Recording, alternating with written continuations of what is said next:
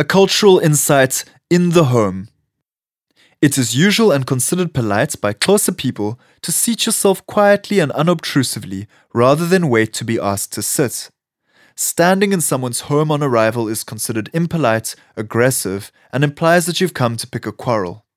This is interesting in its contrast to Western culture, where it is considered good manners to wait until you are asked to be seated or offered a seat. So try to have seating easily available for Xhosa guests, else you risk making them feel uncomfortable. Of course, many urban Xhosa people have long since adapted to Western ways, but showing awareness, respect, and courtesy is a great thing for all people.